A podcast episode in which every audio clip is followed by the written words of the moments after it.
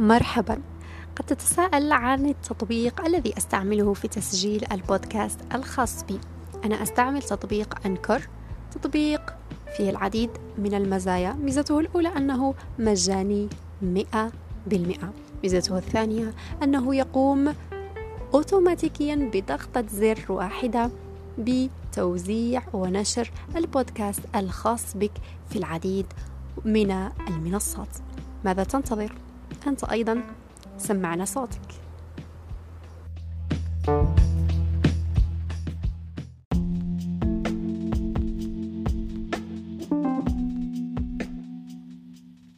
السلام عليكم ورحمة الله تعالى وبركاته. نلتقي اليوم في جزء جديد من كتاب أشياء جميلة.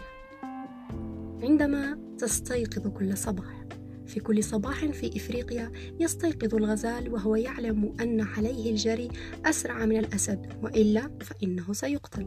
وفي كل صباح في إفريقيا يستيقظ الأسد وهو يعلم أن عليه الجري أسرع من أبطأ غزال وإلا فإنه سيموت جوعا بغض النظر ما إذا كنت أسدا أم غزالا من الأفضل عندما تشرق الشمس أن تكون قد بدأت بالجري.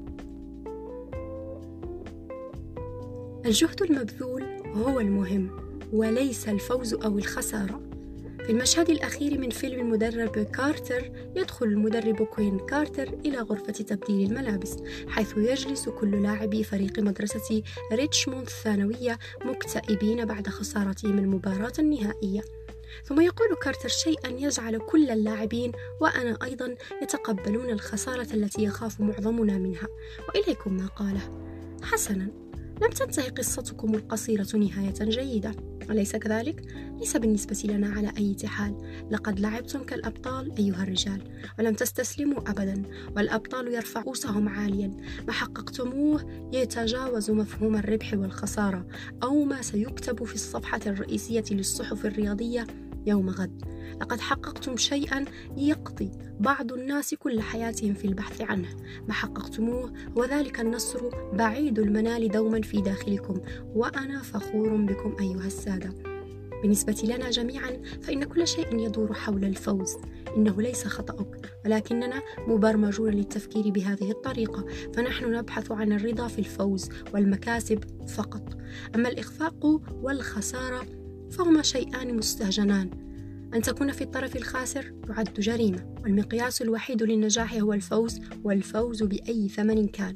لكن ماذا لو أخبرتك أنه يوجد نوع من الطمأنينة في الخسارة أيضا وأنه يمكنك أن تكون سعيدا وراضيا حتى لو كنت في الطرف الخاسر؟ نحن لا نعتقد أبدا أننا سنخسر أو نفشل يوما ما. لكننا في الواقع نخسر ونفشل وهذا شيء طبيعي لا يدعو للانزعاج.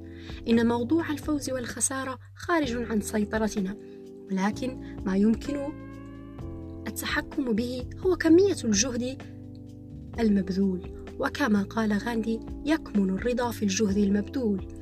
وليس في الإنجاز فالانتصار الكامل هو أن تبذل كل ما في وسعك وبالتالي فالمهم هو الجهد المبذول وليس الفوز أو الخسارة.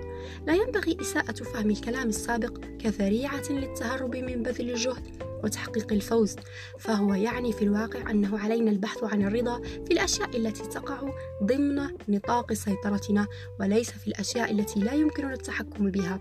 لذلك على المرء القيام بكل ما في وسعه بغض النظر عن النتيجة والاعتزاز بحقيقة أنه قام بعمل يستحق الفخر والاستعداد للمرة المقبلة وعندما يحين وقتها عليه العمل بأقصى طاقة مجددا وكما قالت المؤلفة الأمريكية الشهيرة والناشطة السياسية هيلين كيلر ذات مرة كن مبتهجا ولا تفكر في إخفاقات اليوم. بل في النجاح الذي قد يأتي غدا. لقد وضعت لنفسك مهمة صعبة لكنك ستنجح إذا ثابرت وستجد الفرح في تجاوز العقبات. تذكر أنه لا جهد تبذله يضيع سدى في سبيل تحقيق شيء ما جميل. دمتم بخير.